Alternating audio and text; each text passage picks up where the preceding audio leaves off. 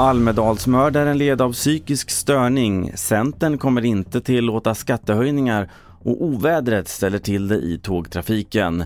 Ja, först i TV4-nyheterna om att Theodor Engström som står åtalad för mordet på Ingmarie Wieselgren under Almedalsveckan påverkades av en allvarlig psykisk störning enligt Rättsmedicinalverket. Myndigheten menar att han saknade förmåga att inse följderna av sitt handlande och bör dömas till rättspsykiatrisk vård. Vi hör den juridiska experten Johanna Björkman om utlåtandet.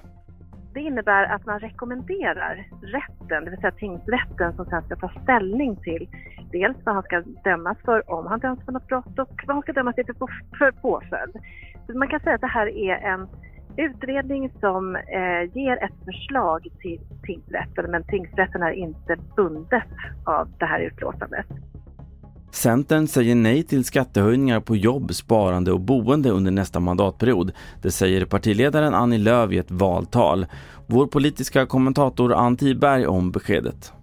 Det är ett tydligt besked eh, till Magdalena Andersson inför en eventuell regeringsbildning efter valet att hon kommer att få en tuff förhandling med Annie Lööf om hon ska ha med henne i sitt regeringsunderlag.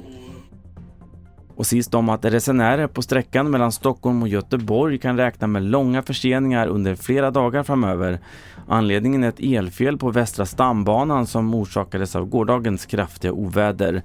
Anne Kylenstierna Arnström är tillförordnad presschef på Trafikverket. Plåtdelar har lossnat från omkringliggande tak och andra ställen och rivit ner kontaktledningen i Töreboda. Tågen rullar som vanligt. Det kommer att vara en störningar på trafiken mellan Töreboda och Skövde. Eh, och där så har vi också omlett trafiken nu genom Nässjö och Falköping. Fler nyheter hittar du i appen TV4 Nyheterna. Jag heter Carl-Oskar Alsen.